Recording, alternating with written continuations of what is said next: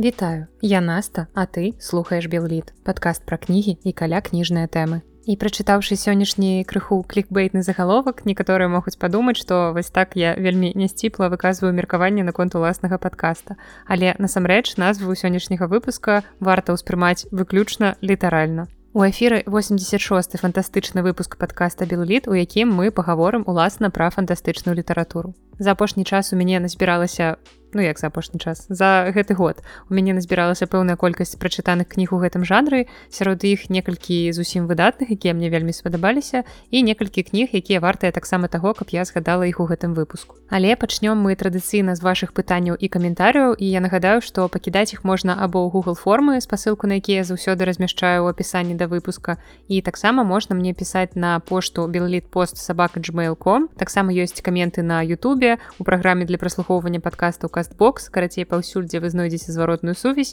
там мне і пішыце. І у google формы ад чалавека з нікам ты я і армен я атрымала наступны неверагодна мілы водгук Вообще четкий подкаст в натуре слухал с сябрами, понравился. Короче, круто, автор прыгожий, история цікавая, рекомендую усім. В общем, респект, автору чмок Буська, жадаем працягу. Дзякуй, арыгінальна, цікава, павесялілі. Дарэчы, калі вы пакідаеце нейкае паведамленне ў Google форме і не хочаце, каб я яго агучвала ў падкасці, то тады так і пішыце, пазначайце, што не хочаце, каб я згадвала пра гэта. Я заўсёды звяртаю на гэту ўвагу, бо ўжо былі такія выпадкі, калі чалавек проста асабіста са мной хацеў чымсьці падзяліцца і пісаў пра гэта ў каментарыях, што гэта выключна для вас каментарый калі ласка яго не агучвайце. І зразумела што я заўсёды іду вам насустрач На Ютубе я атрымала каментарый ад збітра бартосіка барда пісьменніка лаўрэата прэміі гідройця і зразумела што гэта заўсёды неверагодна прыемна калі такія людзі слухаюць твой падкаст і тым больш калі яны яшчэ і прыязна да яго ставяцца Так што перадаю прывітанне спадару з метру а сваім слухачам я раю яго кнігу быў у пана верабейка гаварушчы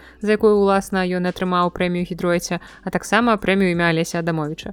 І таксама раю вам кнігу клініка кітайскага дантыста я ўвогуле заўсёды ў захапленні ад назваў кніг э, бартосіка. Гэта сапраўднае мастацтва. Дык вось у каментарыях да папярэдняга выпуска спадар зміцер напісаў. А я і не ведаў што баравікова гэта брэдберы нашых дзён. Рэчы тым што ў мінулым выпуску я рассказывала пра зборнік раісы баравікова які называется вячэра манекенаў і параўнанне зразумелае бо і спадарня баравікова і адзін з маіх улюбёных фантастаў брэдберы пісалі фантастычныя апавяданні. Толькі вось творы брэдберы мне ўсё ж такі падаюцца больш светлымі больш аптымістычнымі і зразумела што творы баравіковай паколькі яны напісаны на беларускай глебе яны мусяць быць нам больш блізкія. Але я ўсё роўна бязмежна люблю брэдберы за яго аптымізм за яго чалавекалюбства і вельмі горача раю вам ягоны зборнік кошкі на піжама На тым жа Ютубе яшчэ адзін каментарый я атрымала таксама на контраісы баравіковай там слухач з нікам трэлеска піша. Історія пра копію себя так это сінопсіс фільма ас Ас гэта даволі знакаміты фільм рэжысёра Джордана Піла, які я акурат яшчэ не глядзела. Я глядзела пакуль толькі ягоны фільм Гетаут, які мы можам ведаць у рускай агучцы як проч. Але сюжэт фільма Ас я ведаю, сапраўды там такая падобная гісторыя, дзе дзяўчына пару разоў сустракаецца са сваімі двайнікамі. І дарэчы, дзякую, што нагадалі пра гэты фільм, Магчыма, я яго пагляджу ў найбліжэйшы час. А цяпер раптоўная новая рубрыка ў маім падкасці, якую я назову экспрэс-парады. Бо часцей за ўсё я вам раю нейкія кнігі, часам магчыма яшчэ бывае, што экранізацыі кніг і таксама паводле вашых запытаў я раю падкасты.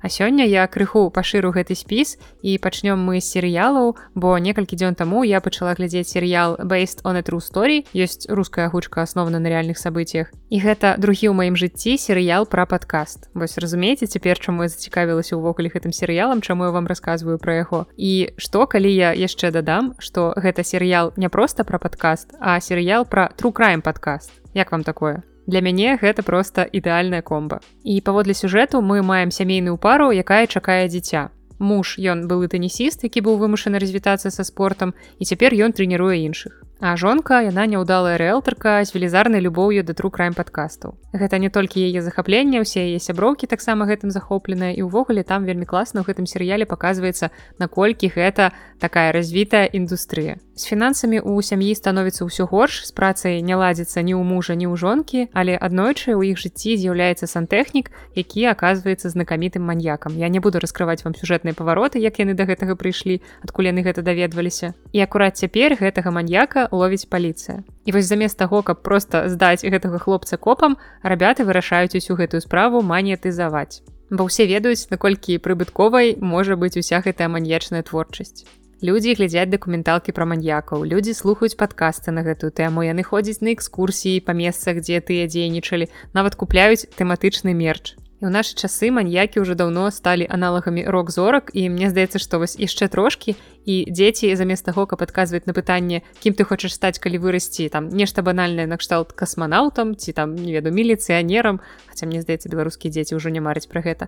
Вось ці штосьці такое. Мне здаецца, што ў будучыні дзеці будуць упэўнена казаць хачу стаць тэдам бандзі. Таму наша сямейная пара пачынае шантажыраваць маньяка і прымушае яго стаць героем іх трукраем падкаста, які называецца заснаваны на рэальных падзеях. І там гэты маньяк дзеліцца гісторыяй свайго жыцця і крывавымі падрабязнасцямі злачынстваў. Зразумела, што гэта самае цікавае. А нашы героі чакаюць, калі ж іх падкаст стрэліць і прынясе нарэшце ім кучу грошай пакуль выйшаў толькі першы сезон 8 серый я паглядзела яго цалкам і штосьці мне так падаецца па апошняй серыі ёсць такое меркаванне што будзе працяг таму што заканчваецца апошняя серыя кліфхенхером і гэта я таксама вас папярэджваю што калі вы не любіце нейкія абраваныя гісторыі тут не будзе ніякай развязкі пакуль што пасля гэтых восьмі серый. Все толькі-толькі пачынаецца. Зразумела што гэты серыял гэта не шэдэўркі на творчасці не чакайце ад яго шмат. У яго насамрэч не надта высокі рэйтынг 74 на MDB. Але гэта сапраўды вельмі добры спосаб прыемна правесці выхадныя, калі вам цікавая гэтая тэма. Гэты серыял вельмі лёгкі, ён вельмі мілы, ён крыху высмейвае вось усю нашу гэтую сучасную апантанасць маньячнай культурай. І шмат у чым серыял вельмі гіпрабалізаваны, ён такі даволі яскравы. Шмат у чым стваральнікі серыяла перабольшваюць, але гэта менавіта вось для дасягнення такога камічнага эфекту. І тут у галоўнай ролі цудоўная камедыйная актрыса Кейлі Куока, якую вы ведаеце хутчэй за ўсё па серыяле тэорыя вялікага выбуху, дзе яна грала галоўную ролю Пенні. А з такіх даволі яскравых мінусаў я магу назваць толькі вялікую колькасць бессэнсоўных эратычных сцэн, прычым большая частка з якіх адбываецца ў фантазіі персанажу. Ва ўсім астатнім гэта прыемны серыял, з якім можна выдатна прабавіць час на выхадных, пасмяяцца і таксама задумацца наконт таго, наколькі шмат увагі мы сапраўды надаём гэтай маньячнай тэме, А я гэта добра ведаю як чалавек, які сапраўды ў гэтай тэме. Ну і магчыма, хтосьці нават перагледзець нейкія свае захапленні і зацікаўленасці. Ну і другая моя рэкамендацыя на сёння гэта ўжо падкаст. Але гэта падкаст не кніжны, не трукраем падкаст, гэта беларускамоўны падкаст тэхнавука ад Віталя Ляхновіча. Раней Віталь разам з іншым вядучым мікітам вёў касмічны падкаст, які рабіў онлайнер. Падкаст называўся Охай Марс. А цяпер Віталь адзін вядзе падкаст, у якім дзеліцца навінамі космосу, навукі і тэхнікі. Так што калі вам цікава, колькі грошай зарабляе кампанія SpaceX ці навошта Ілон Маск купіў Twitter, то раю вам паслухаць гэты падкаст. І гэта нават не рэклама. Я сапраўды раю вам тое што сама люблю і слухаю. Гэты падкаст мяне скарыў літаральна з першых выпускаў там здаецца у першым ці ў другім выпуску. Ад вядучага я пачула такі сакавіты беларускі выраз ні з грушкі ні з пятрушкі што значыць без дай прычыны і зразумела што гэта не вельмі тычыцца да зместу падкаста але мяне вось гэта неяк так моцна зачапіла. Таму моя сённяшняя экспрэс-парада падкастаў гэта падкаст тэхнавука у А цяпер пераходзім да нашага фантастычнага выпуска. Я спадзяюся, што ён будзе фантастычны не толькі літаральна, але і метафарычна. І ў гэтым выпуску вас чакаюць антрапаморфныя жывёлы, краіна якасці, беларускія аднарогі, падводнае падарожжа, фантастыка ад супрацоўніка Microsoft і мноства спроб змяніць жыццё. Усе мы выраслі на казках, на гісторыях, дзе галоўнымі героямі выступалі антрапаморфныя жывёлы.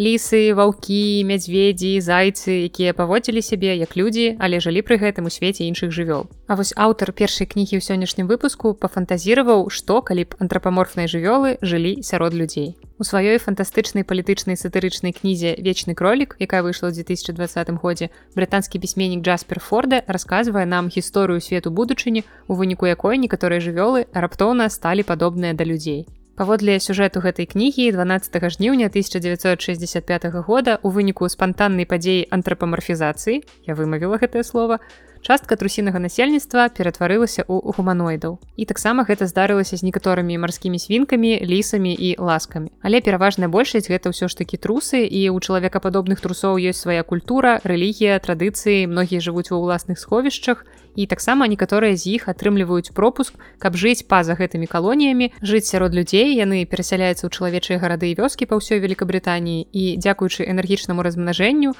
як мы ведаем гэты факт з біялогіі трусоў у великкабрытаніі цяпер велізарная колькасць чалавека падобных трусоў. І дарэчы я сапраўды правільна стаўлю націск у гэтым слове. У множным ліку будзе менавіта так трусоў а не трусаў просто раптам у кагосьці з вас узнікнуць непатрэбныя аналогіі з прадметам бялізны просто вось на усялякі выпадак я вам рассказываю гэты моўны факт. І некаторыя людзі з радасцю прымаюць трусоў у свой квартал а некаторыя не вельмі радыя гэтаму напрыклад прэм'ер-міністр найджел сметвік які плануе сілком перасяліць усіх трусоў у спецыяльны лахер і вось людзей з падобнымі поглядамі які мне падабаюцца трусы якія робяць усё магчымае каб неяк вынішчыць іх вось людзей з падобнымі поглядамі называюць лепарафобамі Аповед у творы вядзецца ад імя Пітера Нокса, ён звычайны чалавек, не трус і гэта даволі прыемны, я б нават сказала такі сімпатычны персанаж. І ён служыць для нас мастком паміж светам людзей і светам трусоў. Бо рэч у тым, што ён працуе назіральнікам у мэтавай групе па выкананні трусінага заканадаўства. Гэта нешта накшталт паліцыі толькі для трусоў. Або таксама ёсць кароткая назва ў гэтай установы ў рускім перакладзе яна гучыць як кроль-надзор. І праца Пітера заключаецца ў вызначэнні таго, ці адпавядае арыштаваны трус таму трусу, які здзейсніў злачынства і відавочна што людзям вельмі цяжка ідэнтыфікаваць асобных трусоў але ёсць людзі якія валодаюць вось такой можна сказаць суперздольнасцю. І вось такім людзям усе гэтыя жывёлы не на адзін твар. Ці на одну пысу? Не ведаю як тут правільна нават выразіцца. Таму дапамога пітера вельмі неацэнная ён дапамагае ўпэўніцца што асуджаны менавіта той трус І думаю, мне няма патрэбы вам тлумачыць, што ў гэтым творы трусы, вядома ж, з'яўляецца метафарычным увасабленнем любой групы, якая лічыцца іншай. У дадзеным выпадку аўтар выразна падзяляе людзей і трусоў паводле відавой прыкметы, але я думаю, што гэта вельмі добра падкрэслівае тое, як да груп меншасці ў пэўных могуць ставіцца як да іншага віду, хаця ўсе мы людзі.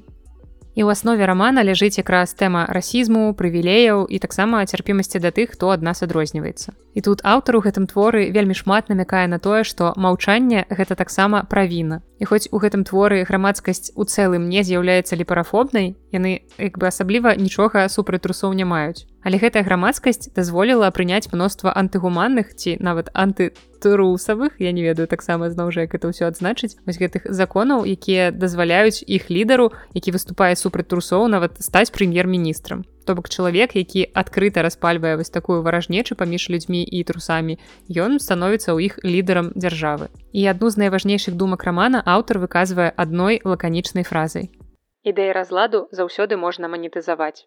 Гэту кнігу можна аднесці да жанру спекуляцыйнай фантастыкі або па-англійску гэта спекулейці фікшн так называюць творы падзеі якіх адбываюцца ў нерэалістычных выдуманых светах звычайна у аснове такіх твораў ляжаць абстрактныя ідэі або нават філасофскія спекуляцыі звязаныя з увядзеннем у рэальнасць таго ці іншага фантастычнага дапушчэння. У дадзеным выпадку мы маем дапушчэнне ў выглядзе такіх антрапаморфных трусоў упісаных у чалавечае грамадства. Вось іншае пытанне ўжо наколькі паспяхова яны ўпісаныя. Але пры ўсёй сур'ёзнасці і глыбіні тэм якія закранае аўтар я магу параіць гэтую кнігу аматарам гумарыстычнай фантастыкі і фэнтэзі.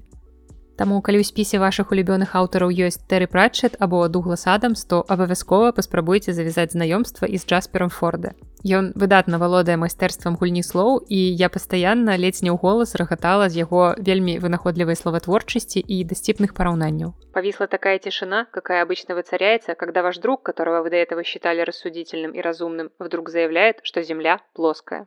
Нам вообще кажется, что Лондон – это одна большая схема по отмыванию денег, привязанная к впечатляющей системе общественного транспорта и нескольким музеям, где даже в самых честных из них лежит больше награбленного, чем в съемном гараже одного моего приятеля Чалки у Орчестере. Так само отчувается, что книга вельми сучасная, бо у ёй множество отсылок до массовой культуры. Часть дома была возведена еще в XIV веке, и поговаривали, что сколы на фасаде были следами шальных мушкетных пуль времен гражданской войны. Видимо, войска парламента стреляли не намного точнее имперских штурмовиков и Звездных войн. «А кто-нибудь пытался проследить связь между очеловечиваниями?» – сказал я. «Понять, что их вызывает?» «Точно пока неизвестно», – сказал Кент. «Просто есть куча гипотез. В каком-то смысле это похоже на попытку объяснить сюжет остаться в живых». Я чытала твор у рускім перакладзе і мне падалося, што гэта сапраўды вельмі добры пераклад. Тэкст чытаецца вельмі лёгка, вельмі сакавіта. Я падазраю, што ніякія жарты, ніякае гульня слоў у перакладзе не згубіліся. Вось толькі паслухайце, як сакавіта гучыць наступны ўрывак. «Думаю, ты согласишься, — сказал док, — что ровные ряды свежих овощей жерди, оплетенные изящным зеленым вьюном, мини-теплицы, запотевшие от утренней росы, мешочки с семенами, высаженные в рассыпчатую землю и помеченные маленькими табличками. И все это в идеально прополотом состоянии привлечет судей своим простым изяществом. Нет ничего прекраснее овощей пит. Утонченность, слившаяся воедино со съедобностью, форма, соединившаяся с функцией. «Только представь», — сказал он, прикрыв глаза, — «упругая кожица созревшего кабачка, грубая текстура выкопанной картошки, обнадеживающий, но при этом почему-то печальный хруст рвущегося корня, который мы слышим, вытаскивая морковку. Я кивнул, но он еще не закончил. Стук яблока, упавшего с дерева на мшистую землю, цвет горошин в стручках, созревших и уже готовых вскрыться, ворсистая внутренняя поверхность бобового стручка, то, как каплі дождя ложацца на созревающий качан капусты. Падагульняючы скажу, што гэта добра напісаны твор сацыяльнай палітычнай сатыры, які адначасова вас пачынае забаўляць і зараз скажу гэтую страшную папсовую фразу, таксама прымушае задумацца. Ну і мне падаецца, што гэтую кнігу варта прачытаць толькі дзеля першага ж эпізоду, дзе апісваецца хуткасная праца бібліятэкара. Я не буду дэталізаваць, вы зразумееце, пра што я, калі толькі будзеце чытаць гэтую кнігу. Гэта проста шэдаўральна, як мне здаецца. Як часта вы штосьці заказваеце онлайн. Мне падаецца, што ў наш час гэта настолькі натуральная штука, што сервісамі дастаўкі карыстаюцца літаральна ўсе людзі.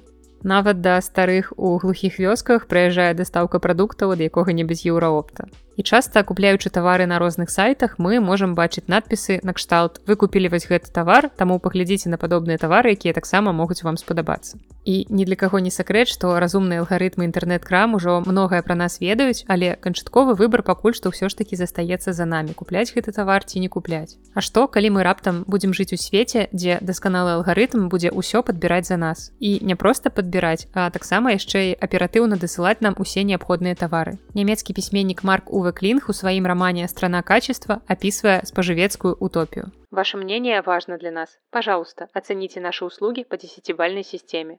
Помните всегда о том, что нам известно, где вы живете. галоўны герой кнігі Петр беспрацоўны прозвішчы персонажы гэтага твора атрымліваюць адпаведнасці з родам дзейнасці іх бацькоў. Дык вось ён спакойна плыў па цячэнні не тое каб надта паспяхова гэта рабіў але даволі роўна без нейкіх асаблівых узрушэнняў. І вось аднойчы ён атрымлівае дастаўку якую сам не заказваў. Але для свету створанага пісьменнікам гэта акурат і нармальна разумныя алгарытмы настолькі развіліся што прадказваюць жаданні людзей і не памыляюцца вам нават не трэба нічога заказваць бо крама сама ведае што вам трэба і такім чынам робот самай паспяховай кампаніі ў свеце the shop заставіў петару секс цацку ў выглядзе ружовага дельфінчыка Петр цалкам усведамляе што ён не мае патрэбы ў гэтым тавары і таму вырашае гэты тавар вярнуць але не ўсё так проста і звычайны зварот тавару можа стаць вельмі небяспечным квестам. І тут вось сачыце за лагічным ланцужком. Бо калі ты плануеш вярнуць тавар значыць гэты тавар табе не патрэбен. А калі ён табе не патрэбен гэта значыць што алгарытм які ўсё пра цябе ведае і падбіраў тавар згодны з тваімі патрабаваннямі зрабіў памылку. А калі ты ставіш пад сумнеў працу гэтага дасканалага алгарытму то ты ставіш пад сумнеў увогуле прынцып існавання краіны якасці аснову светабудовы гэтай краіны І вось у гэтым заключаецца асноўны канфлікт рамана. І насамрэч, калі я чытала гэту кнігу, я пастаянна думала пра сюжэт рамана Джозефа Хеллера паправка 22, дзе салдаты мусілі зрабіць пэўную колькасць баявых вылетаў і гэта колькасць пастаянна павялічвалася. Вось робіш ты, як ты думаеш там свой апошні вылет, ты вяртайся на зямлю з думкай, што нарэшце вернешся дадому, але на зямлі табе кажуць, што норма павялічылася. І канешне ж, ад гэтых вылетаў можна адкасіць, прыкінуўшыся вар'ятам. Але калі ты прыкідваешся вар'ятам, каб адкасіць ад вылетаў, то атрымліваецца, што ты не такі ўжо і вар'ят. Вось такое замкнёное коло. Ты ведь наверняка уже слышал изречение «каждый живет в своем собственном мире». В цифровом пространстве это не просто пустая фраза. Это чистая правда. Ты живешь в твоем собственном мире – мире, который постоянно подстраивается под тебя. Ну і акрамя хеллера галоўная алюзія, якая мне прыйшла ў галаву падчас чытання гэтай кнігі гэта франц кафка з ягоным працэсам. Галоўны герой якога таксама беспаспяхова змагаецца з бяздушнай бюрократычнай машынай. Толькі ёсць одно адрозненне, бо ў свеце кафкі не варта шукаць логіку ў дзеяннях гэтай машыны. У той час як свет марка Увеклінга працуе нібыта паводле дакладных і дасканалых алгарытмаў. Але галоўны герой у выніку аказваюцца ў абсалютна ідэнтычнай безвыходнай сітуацыі, калі кідаюць выклік сістэме. акрамя галоўнага героя ў творы таксама ёсць мноства другарадных персонажаў гэта і штучныя інтэлекты роботы разнастайныя машыны і таксама іншыя людзі і нават героі андроіды ў гэтым творы вельмі яскравыя яны валодаюць індывідуальнасцю і дадаюць кнізе пэўнага шарму і гумару. І перад намі зноў сатырычны фантастычны роман толькі гэтым разам гэта не палітычная сатыра а антыутапічная. І акрамя таго што ў гэтым свеце пануюць тэхналогіі а тавары дастаўляюцца спецыяльна для кожнага чалавека таксама там яшчэ і людзі сартуюцца паводле ўзроўняў і ранг чалавека можа павышацца або паніжацца Ну і тут ужо дзве рэчы, якія адразу прыходзяць да галавы. Гэта адна з серыі серыяла чорная люстэрка, у якім таксама людзі мелі вось гэтыя рэйтынгі пэўныя. І таксама рэч, якая ўвогуле непрыдуманая рэч з нашага жыцця, дакладней з жыцця жыхароў Кітаю. Гэта сістэма сацыяльнага даверу або вось гэтыя сацыяльныя рэйтынгі. І вось гэтыя алгарытмы ў іх таксама нібыта дасканалыя і нібыта працуюць без памылак. І я ўжо сказала ў пачатку, што героі атрымліваюць прозвішчы ад сваіх бацькоў, ад дакладней ад роду заняткаў гэтых бацькоў. І вось калі там твоя маці была медсястрой, то ты будзеш ханна медсястра. Вось хлопчыкі атрымліваюць прозвішча ад бацькі, а дзяўчаты ад прафесіі маці. І тут мне яшчэ згадваецца Эрх Фром з яго кнігай бегства ад свабоды. І там Фром згадвае, што раней людзі асабліва не сутыкаліся з праблемай выбару, паколькі лёс часцей за ўсё быў прадвызначаны. Напрыклад, калі ты нарадзіўся ў каралеўскай сям'і, то значыць твой лёс пражыць жыццё вось так. А калі твой бацька прыбірае гаўно ў дамах, то і табе таксама будзе цяжка перайсці на нейкія іншыя заняткі, ты таксама будзеш займацца гэтай жа справай. І насамрэч гэта выклікала ў людзей нашмат менш псіхалагічных праблем, чым у нас цяпер. Бо чым больш выбар, тым больш мы перад ім разгубленыя. І часам мы проста адмаўляемся выбіраць, аддаючы перавагу таму, каб проста плысці па цячэнні. Ну а людзі ў гэтай quality land краіне якасці яны проста пазбаўленыя магчымасці выбіраць выбор робіцца за іх і гэта нібыта робіць іх больш шчаслівымі. Як і папярэдні раман вечны кролік, кніга гэтая страна качества яна вельмі смешная. Але пры гэтым паступова яна раскрывае больш цяжкія, нават змрочныя тэмы, але застаецца пры гэтым все роўна вясёлай. Гэты твор вельмі арыгінальны паводле сюжэту, паводле сваёй светабудовы, але пры гэтым ён мае шмат адсылак. Яны як ускосныя, так і відавочныя. Гэта адсылкі на проста велізарную колькасць кніг, фільмаў, тэлешоу. Але вам нават не абавязкова счытваць гэтыя адсылкі, каб задавальненне ад кнігі ўсё ж такі атрымаць. Таксама ў гэтага твора вельмі цікавая кампазіцыя, бо пачынаецца асноўная сюжэтная лінія, але главы рэгулярна перамяжоўваюцца рэкламай, нейкімі нататкамі з навін, таксама поўнымі рэкламы розных тавараў і каментарыямі. І аўтар хоча звярнуць нашу ўвагу на тое, што нас увесь час кормяць персаналізаванай рэкламай, а алгарытмы абмяжоўваюць наш выбар. І таму наша свабода волі гэта абсалютная ілюзія і героям гэтай кнігі нібыта абяцаюць зручнасць калі ўсё вырашана за іх. Але насамрэч калі чат-боты пазбаўляюць нас неабходнасці мець адносіны з сябрамі то дзеля чаго ўвогуле жыць далей? Ці варта настолькі слепа давяраць усё сваё жыццё сучасным тэхналогіям і разумным алгарытмам? Кніга ўвогуле высмейвае многія аспекты нашай сучаснай культуры. Гэта і палітыка і рэлігія забавы спажывецтва наша залежнасць тэхналогіі якая пастаянна расце таксама наша вера ў тэхналогіі І зразумела, што аўтар крыху гіпербалізуе для дасягнення патрэбнага эфекту. Гэта такі мастацкі сродак. Але разам з тым аўтар ўсё ж такі паказвае, дзе мы можам аказацца праз некалькі гадоў, калі будзем працягваць дазваляць карпорацыям збіраць нашы даныя і ствараць алгарытмы, якія прадказваюць усё і кантралююць усё.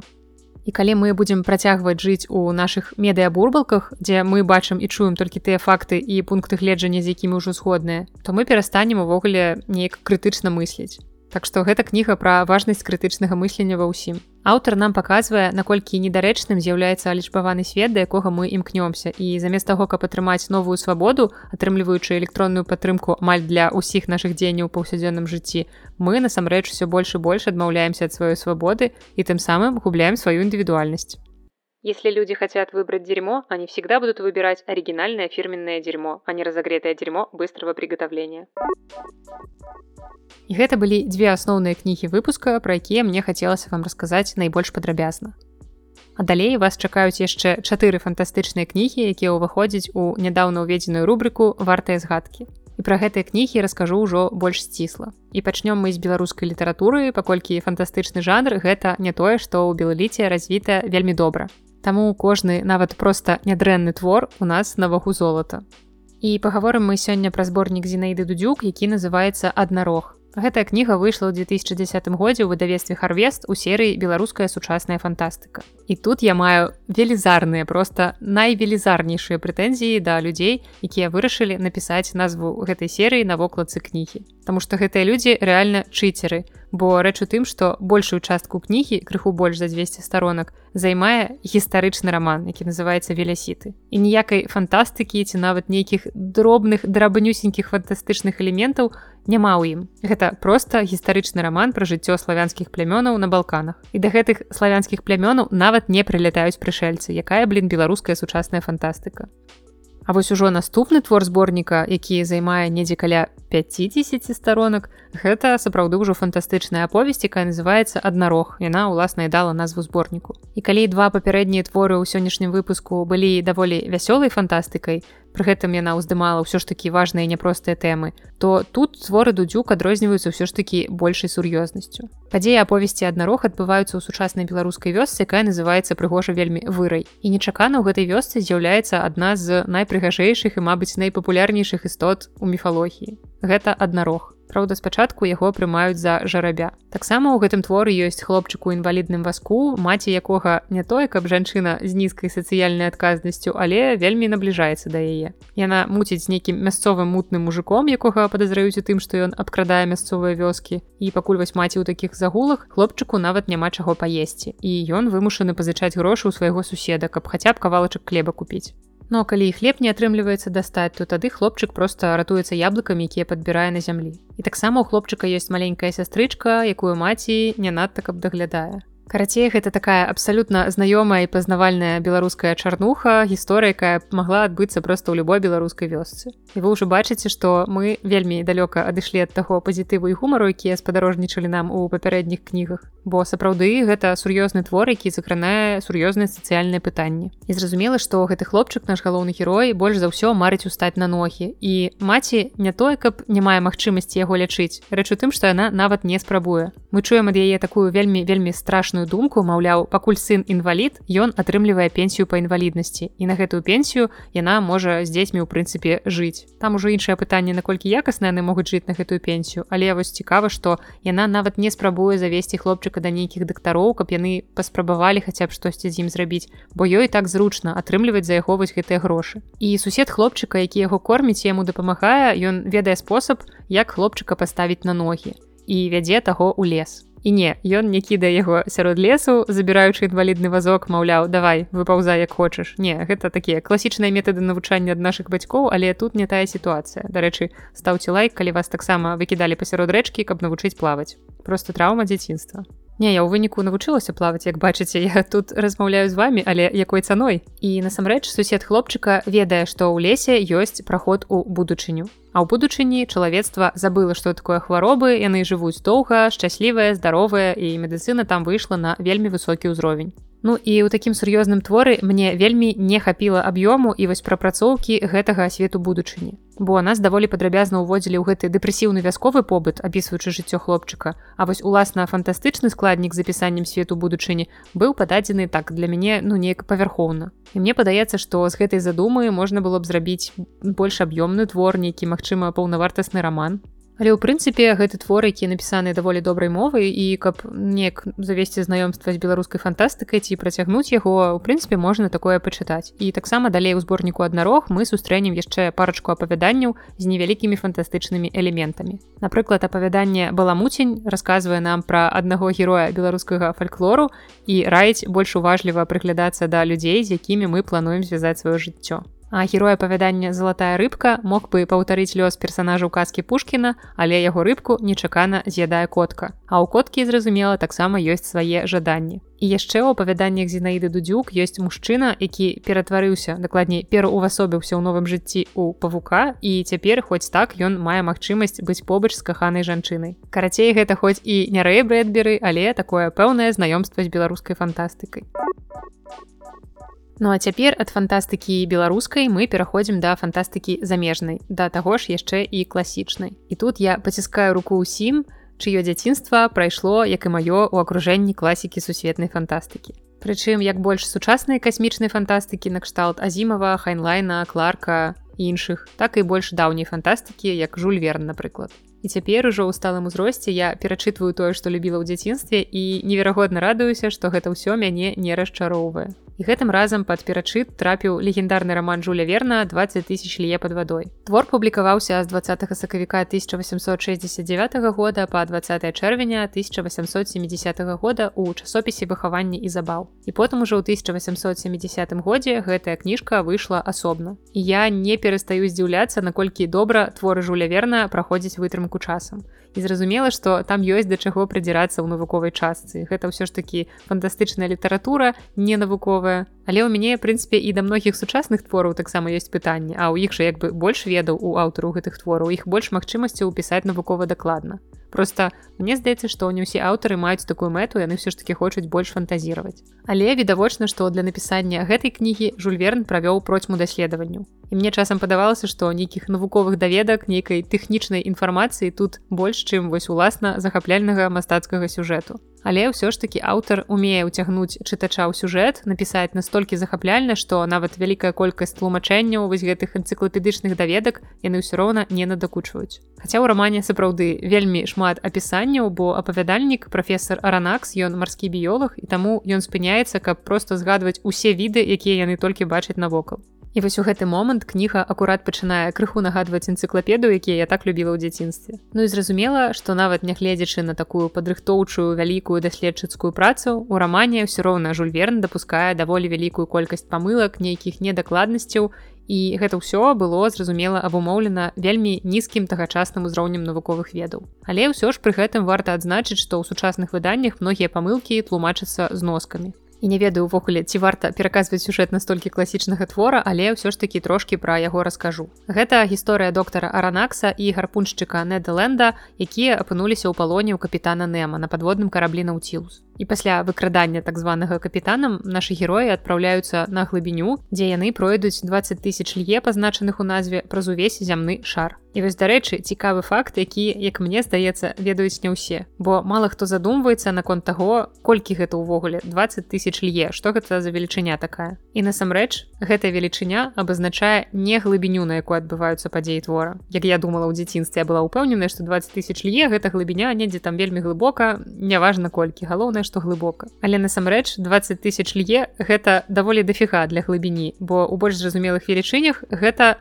больш за 110 тысяч кіламетраў і штосьці мне падказвае што гэта нават больш за зямны экватар таму гэта ніяк не можа быць у глыбіню под вадой Таму назва рамана паказвае нам на адлегласць якую прайшлі героі под паверхняй мора а не на глыбіню таго як яны апусціліся. А вось ужо найбольшая глыбіня якая згадваецца ў кнізе гэта ўсяго 4 лье амаль 20 кіламетраў Ну і гэта все роўна даволі шмат бо гэта амаль у два разы глыбей за марыянскую упадзіну а марыянская упадзіна як вы ведаеце гэта самае глыбокае месца на зямлі. Так таксама магу згадаць вельмі цікавы для беларусаў факт наконт гэтай кнігі. Рэч у тым што жуль верн падчас працы над раманам быў пад уражаннем ад паўстання 1863 года. І так няхай вас гэта не здзіўляе і першапачаткова капітан нема быў польскім арыстакратам які змагаўся супраць расійскага царызму які загубіў всю яго сям'ю але ўсё ж такі пад націскам свайго выдаўца прычым выдавец думаў не толькі пра палітыку але яшчэ і пра нейкі здаровы розум ўсё ж такі жуль верн яго паслухаў і на некаторы час пазбавіў нэма нацыянальнасці.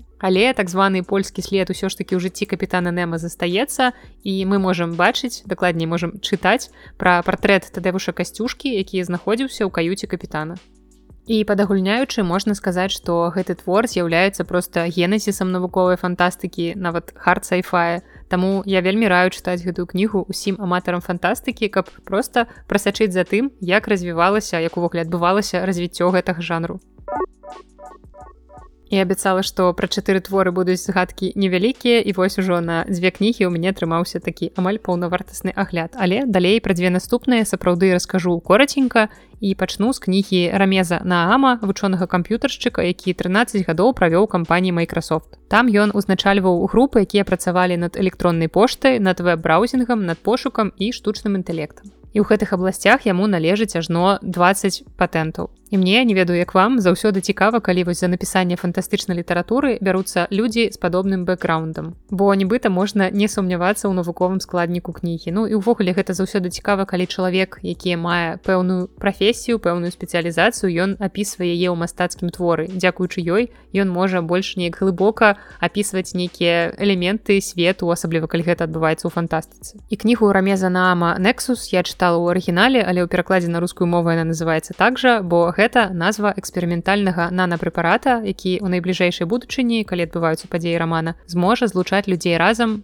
праз розум атрымліваецца розум злучаць непасрэдна з розумам. Бо напрыклад зараз мы маем магчымасць злучацца звязвацца па аўдыа па відэасувязі. Але ўсё роўна гэта не заўсёды так проста бо вось у нейкага вашага сябра фрылансера пасля рэлакейту пад пальму на балі не заўсёды ёсць стабільны інтэрнет Праўда іншае пытанне як ён адтуль працуе ўвогуле але з іншага боку я пад пальмай на балі ніколі не была Мачыма там ёсць інтэрнет не ведаю. Тады ладно аналогія дрэнная згодная прывядзём іншую аналогію вось у маёй вёсцы ў бярэзінскім раёне там дакладна няма інтэрнета і таксама там мабільная сувязь бывае з перабоямі Таму уявіце што у вас будзе магчымасць звязвацца з чалавекам без пасрэдніцтва нейкіх тэлефонаў ноутбукаў інтэрнетаў правадоў усяго гэтага А вы атрымаеце непасрэдную сувязь розуму з розумам Прычым гэта не тэлепатыя тут няма ніякіх магічных дапушчэнняў. Чыстая навука вось ёсць такая тэхналогія. І ёсць людзі якія імкнуцца гэтую тэхналогію бясконца паляпшаць Ну і зразумела таксама ёсць людзі якія хочуць увогуле выкараніць гэтую тэхналогію бо яны бачаць у ёй пагрозу. Ну і зразумела ёсць людзі якія проста хочуць гэтай тэхналогіі карыстацца выкарыстоўваюць яе сабе на карысць. І нашага галоўнага героя маладога навукоўца пачаткоўца кейда ловяць на удасканаленні гэтай тэхналогіі і прымушаюць зразумела працаваць на ўрад у якасці шпіёна. І робіцца гэта для таго каб знішчыць тых хто выкарыстоўвае і распаўсюджвае гэтую тэхналогію нексус але як звычайна у творы мусіць быць інтрыга мусіць быць канфлікт таму ў совы не тое чым падаюцца. І урад насамрэч не з'яўляецца нейкім добрым хлопцам у гэтай сітуацыі. Чаму урад так хвалюецца пра тое што тэхналогія для сувязі людзей можа быць дрэннай справай? І сюжэт гэтай кнігі незвычайны ў тым што большасць падзей у творы адбываецца ў галовах персанажаў. Усе героі маюць зносіны ў галаве і выкарыстоўваюць свой мозг у якасці своеасаблівага інтэрнэту. І тут варта сказаць што роман наама апапіраецца на перадавыя даследаванні і тэарэтычныя магчымасці ў галіне нейрабіялогіі біялогіі і нанотэхналогіі і вось гэтыя ўсе веды ён спалучае з захапляльным сюжэтам поўным экшану. Гэта вельмі добры фантастычны твор пра патэнцыял калектыўнага розуму і канфлікты паміж чалавекамі і постчалавекамі.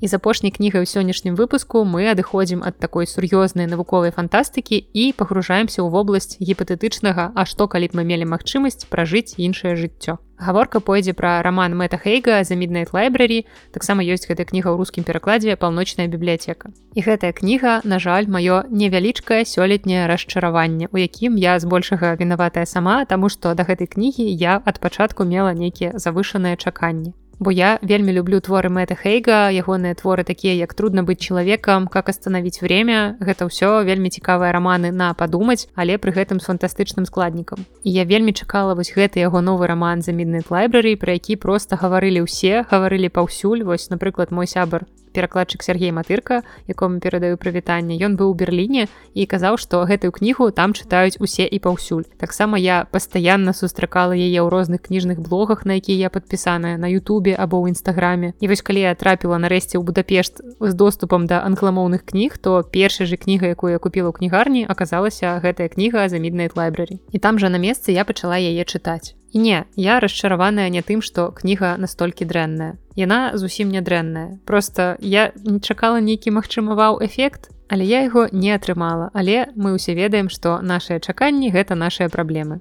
І ў гэтым дворы мы бачым гісторыю жанчыны па імені нора якая лічыць што яна няўдачніца. Яна лічыць што яна аднаразовае чалавечае смецце ёй няма чаго дасягаць яна нічога не заслугоўвае і ніхто яе не заўважае. І нора шкадуе літаральна наконт усяго што адбывалася ў яе жыцці. І як у тым жарце як толькі яна адчувае што апусцілася на самае глыбокае дно хтосьці грукае знізу. І нора вырашае скончыць жыццё самагубствам. Яна робіць спробу але калі расплюшчвае вочы то аказваецца ў бібліятэцы запоўненай кнігамі. І ў гэтых кнігах змяшчаюцца розныя версіі гісторыі яе жыцця. І калі яна знойдзе правільную кнігу і самае правільнае паводле яе меркавання жыццё якое яна зможа пражыць паўнавартасна шчасліва то гэта будзе азначаць што яна можа быць выратаваная. Паміж жыццём і смерцю ёсць бібліятэка. І ў гэтай бібліятэцы паліцы цягнуцца вечна. Кожная кніга дае шанец паспрабаваць іншае жыццё, якое вы маглі б пражыць. Паглядзець, як усё было б, калі б вы зрабілі іншы выбар. Ці паступілі б вы па-іншаму, калі б у вас быў шанец адмяніць свае шкадаванні. Але пражыўшы столькі жыццяў амаль тысячу розных версій магчымых варыянтаў свайго жыцця, ці знойдзе нора, якая з версій лепшая для яе і якая ўвогуле форма жыцця падыходзіць для таго, каб яна атрымала поўнае шчасце, поўнае задавальненне і чаго ўвогуле нора хоча. І калі мы гаворым пра кнігі мэта Хейга, то заўсёды варта згадваць, што ў маладосці ён меў пэўныя псіхалагічныя праблемы, якія прывялі яго да спробы суіцыду. І амаль уся наступная творчасць Хейга непасрэдна звязаная з гэтай тэмай і з яе пераадоленнем. І вось яго вострыя назіранні і перажыванні з нагоды ўласнага стану ляглі ў аснову гэтага рамана. Так што гэтая кніга проста перапоўненая трыгер ворнінг для людзей, якія маюць пэўныя псіхалагічныя праблемы ці ментальныя асаблівасці. Таму абавязкова ўлічвайце гэта, калі захочаце ўзяцца за кнігу. І пачатак гэтага твора ён зразумела трошкі дэпрэсіўны, але як бы так мусіць быць, каб стварыць канфлікт для астатняй часткі гісторыі. Але насамрэч кніга і далей будзе даволі змрочнай, бо з кожным жыццём да якога гераіня імкнецца, ёй застаецца толькі не любіць яго, каб перайсці да наступнага. Яна проста знаходзіцца ў пастаянным пошуку гэтага ідэальнага жыцця. І ўсё ніяк ніякае жыццё ёй не падыходзіць. І я ў прынцыпе разумею, чаму гэтай кнігай вось ажно так моцна людзі захапляюць з'яўляюцца бо гэта зразумелая і знаёмая многім гісторыя пра шкадаванне бо мяркую што ўсе мы шкадуем аб нечым што мы зрабілі ці не зрабілі. І таму ў той ці іншы час мы ўсе адчувалі боль і цяжар шкадавання. І вось апошні час я акурат змагаюся вельмі моцна з тым каб перастаць перажываць гэтае шкадаванне ў той ці іншай сітуацыі. І таму я насамрэч не вельмі хачу чытаць кнігі на гэтую тэму. Хаця паўтаруся што сам твор ён нядрэнны. Просто ўвесь час мяне неяк збівала вось гэтае спалучэнне дзвюх вельмі сур'ёзных і складаных тэм таких як дэпрэсія і суіцыд. Вось іх спалучэнне са спробамі аўтара стварыць з гэтага такую магічную амаль казачную гісторыю пра чароўную паўночную бібліятэку. І гэта ўсё ў сённяшнім фантастычным выпуску. Я спадзяюся, што вам было цікава, нават калі вы не фанат жанру, бо творы тут сапраўды падабраліся даволі разнастайна, як мне здаецца. А ўжо праз тыдзень мы з вами сустрэнемся ў новым выпуску, у якім вас чакае першае пасяджэнне кніжнага клуба з кодавай назвай Анягош. Я працягваю эксплуатаваць сваіх сяброў на карысць беларускага кнігавыдання і беларускага падкастынгу. Таму ў наступным выпуску будуць я, будзе наста, якую вы ведаеце па падкастах кніжная шафа і лягчэй, таксама па супрацы ў кнігарні кніжная шафа і таксама перакладчык і лаўрэат прэміі шэрмана Сергей Матырка і мы ўсе разам будзем абмяркоўваць навінку выдавецтва логвінаў, раман сучаснага ізраільскага пісьменніка Маі рашалева, які называецца за сіняй гарой. Пераклаў гэтую кнігу Павел Касцюкевич. І таксама ў другой частцы пасяджэння клуба мы адкажам на літаратурныя пытанні, якія нам падкідваюць блізкія нейкія про просто слухачы і нават просто само жыццё. Таму калі вы ўжо цяпер маеце пра што нас спытаць, то накіроўваю вас у апісанне да гэтага выпуска. там ёсць спасылка на Google формы, моя электронная пошта і ўсе пытанні можна туды накіроўваць па знакай КК, то бок кніжны клуб, А на пытанні без такой пазнакі я буду адказваць ужо ў сваіх звычайных выпусках. Ну ці зноў жа можете пакідаць каментарый на Ютубе ці ў кастбоксе. Мы з задавальненнем на ўсе вашыя пытанні адкажам. Абмяркуем, можа быць, у нас будуць вельмі гарачыя спрэчкі, калі ў вас раптам з'явіцца нейкае такое цікавае, вельмі правакатыўнае пытанне. Таму чакайце ўжо праз тыдзень першы выпуск кніжнага клуба. І таксама нагадаю, што ў апісанні да гэтага выпуску вы знойдзеце ўсе магчымыя спасылкі для таго, каб неяк падтрымаць гэты падкаст, калі ў вас узнікла такое жаданне. А на сёння гэта ўсё. З вами была Наста і падкаст Белліт. Да сустрэчы.